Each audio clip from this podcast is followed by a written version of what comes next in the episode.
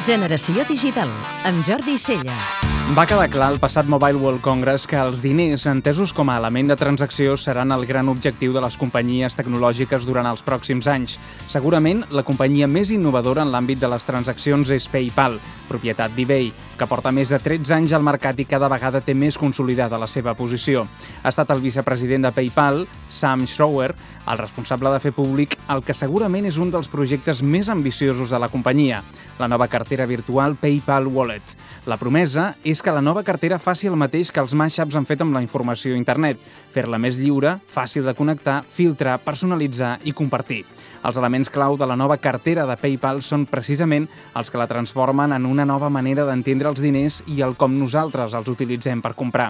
D'entrada, separarà la compra del pagament, permetent un període de 7 dies per si els compradors canvien d'opinió respecte a la compra, si volen canviar l'origen del fons des del qual paguen o si volen pagar plaços. La nova cartera virtual de PayPal permetrà tenir llistes personals per gestionar les nostres compres, fer comparatives i buscarà automàticament ofertes i cupons relatives al producte que volem comprar.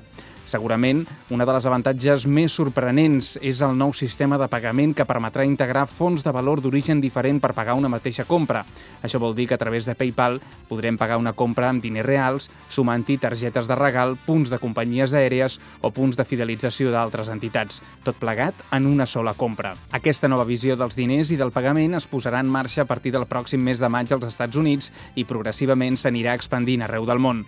En un atac balat al projecte de la cartera Google Wallet, el vicepresident de PayPal ha manifestat que la seva empresa no està interessada en substituir les targetes de crèdit de tota la vida per un telèfon mòbil. Afirma que l'objectiu final és arribar a la nostra manera d'entendre els diners i el pagament, una forma completament innovadora. Segurament aquestes companyies nascudes de la nova economia digital pot ser que tinguin la visió més clara de les nostres necessitats pel que fa als pagaments i als diners. De totes maneres, la recomanació tradicional de tenir la cartera a mà i ben guardada continuarà sent vàlida per molt de temps.